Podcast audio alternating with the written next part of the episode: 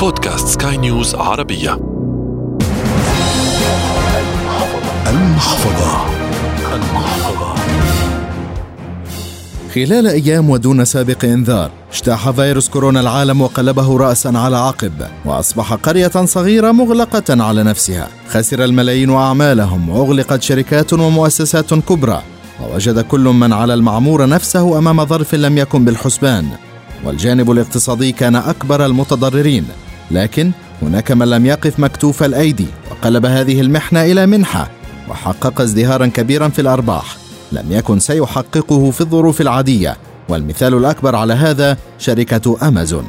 وقال مدير مركز الريادة والابتكار في الجامعة الأردنية الأستاذ المشارك في الاقتصاد وتكنولوجيا المعلومات أشرف بن محمد إن أمازون حققت أرباحا كبيرة وتضاعفا في سعر سهمها الذي كان قبل الأزمة يتراوح بين 1600 و 1700 دولار. وجاء هذا نتيجة لاتخاذها العديد من الإجراءات. اليوم عم نحكي عن 3000 3127 سعر السهم فكان في قفزه نوعية في سعر السهم. طبعا هذا بيعود لزيادة حجم المبيعات والعائدات خلال فترة الحظر. طبعا عائدات أمازون يعني بتتراوح حوالي 280 مليار السنة الماضية.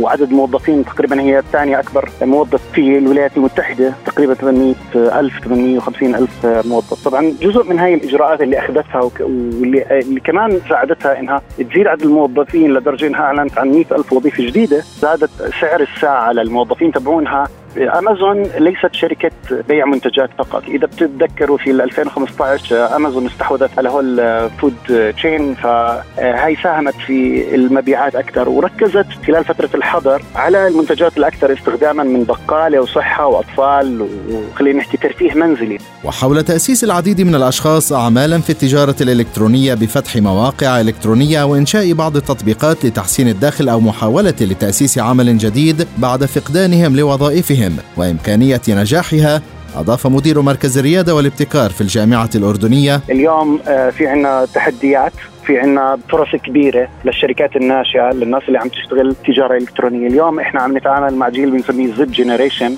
جيل انولد وهو عم بيشتغل على الإنترنت جيل أكثر قابلية لاستخدام البيع والشراء الإلكتروني. جيل حتى الجيل القديم اللي كان أكثر مقاومة للتحول الإلكتروني. اليوم عم نحكي عن نمو في شرائه الإلكتروني بأكثر من 8.8% فالفرصة موجودة والفرصة كبيرة. اليوم عندنا مجموعة كمان في السوق العربية عندنا مجموعة كبيرة من المؤسسات الداعمة لا خلينا نحكي التجارة الإلكترونية للتحول الإلكتروني لإنشاء الشركات والتطبيقات اللي مو... الإلكترونية. عندنا حاضنات أعمال عندنا مسرعات أعمال عندنا اليوم آه، صناديق رأس مال مغامر. الآن السوق العربي خلينا نحكي فيما يخص التجارة الإلكترونية بتوقع إنه كبير لسه غير مستكشف فيه فرص عديدة. لكن بدنا ناخذ بعين الاعتبار وإحنا عم بنطور online business بدنا نفكر بموضوع ال culture بدنا نفكر بمعايير الجودة معايير السلامة نوعية الخدمة اللي عم تتقدم العامل الثقافي والمشكلة اللي إحنا عم بنحاول نحلها من خلال التجارة الإلكترونية. أنفقت شركة أمازون أربعة مليارات دولار لتوفير المعدات الصحية الوقائية لمواجهة كورونا